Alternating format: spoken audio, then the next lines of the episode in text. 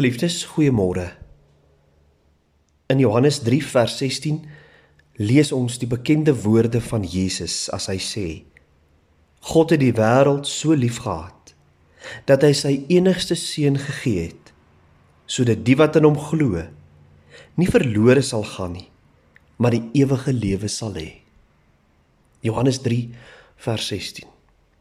'n Vers in God se woord wat ons baie goed ken en so dikwels en so gereeld sommer uit ons koppe uit opsê en resiteer en aanhaal. Maar ek wonder of ons al werklik mooi gedink het oor wat Jesus hier sê. In Johannes 1 Johannes 4 vers 8 verklaar die apostel Johannes God is liefde. En nou as hy hier in sy evangelie skryf, verklaar hy dat uit God die bron en wese van ware liefde word die werking van hierdie liefde in slegs een daad geopenbaar. Naamlik God het sy enigste seun gegee. Ook Paulus en die ander apostels kan nie hierdie daad van God beskryf anders as in terme van God se liefde nie.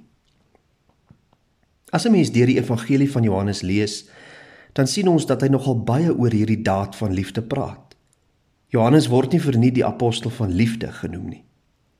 Maar mens kry nogal die indruk dat hierdie daad van liefde beperk bly tot die verhouding tussen God die Vader en God die Seun, Jesus Christus.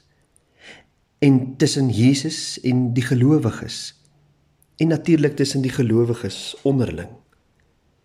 Maar Hier in Johannes 3 vers 16 in Jesus se gesprek met Nikodemus breek die liefde van God uiteindelik deur hierdie grense en is dit gerig op die ganse wêreld.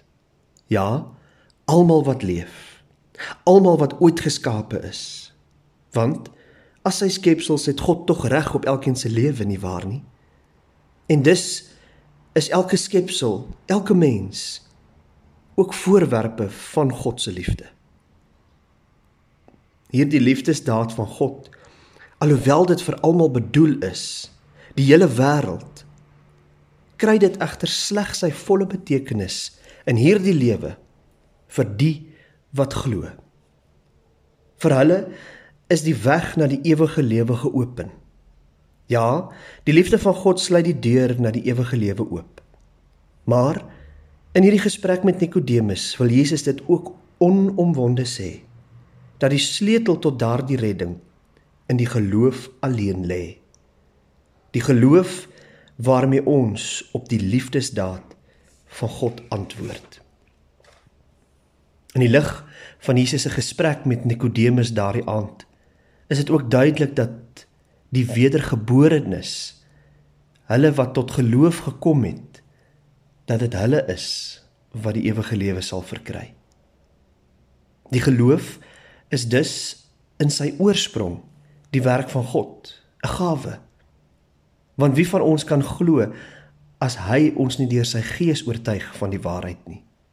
Maar dat dit 'n bewuste daad van die mens is, is ook baie duidelik.